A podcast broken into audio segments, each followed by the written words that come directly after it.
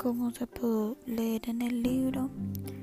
el tema central de este es básicamente investigar y resolver el asesinato de Rich, un personaje que oculta una oscura identidad. Con su nombre verdadero, siendo Cassetti, este fue relacionado con un viejo caso estadounidense, la familia Armstrong, y este es el eje sobre el que girará todo el misterio. Como tema central de este libro, posiblemente puede ser el resolver una situación en la que todos los pasajeros del expreso se ven apurados al estar atrapados por la nieve en la mitad de la nada.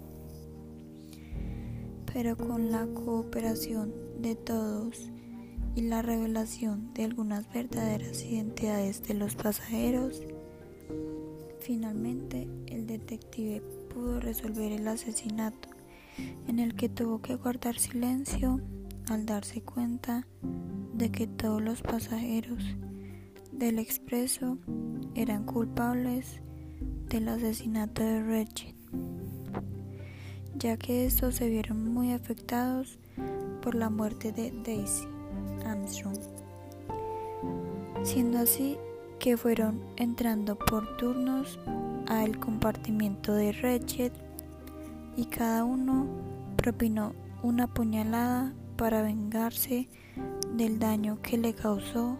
a la familia Armstrong.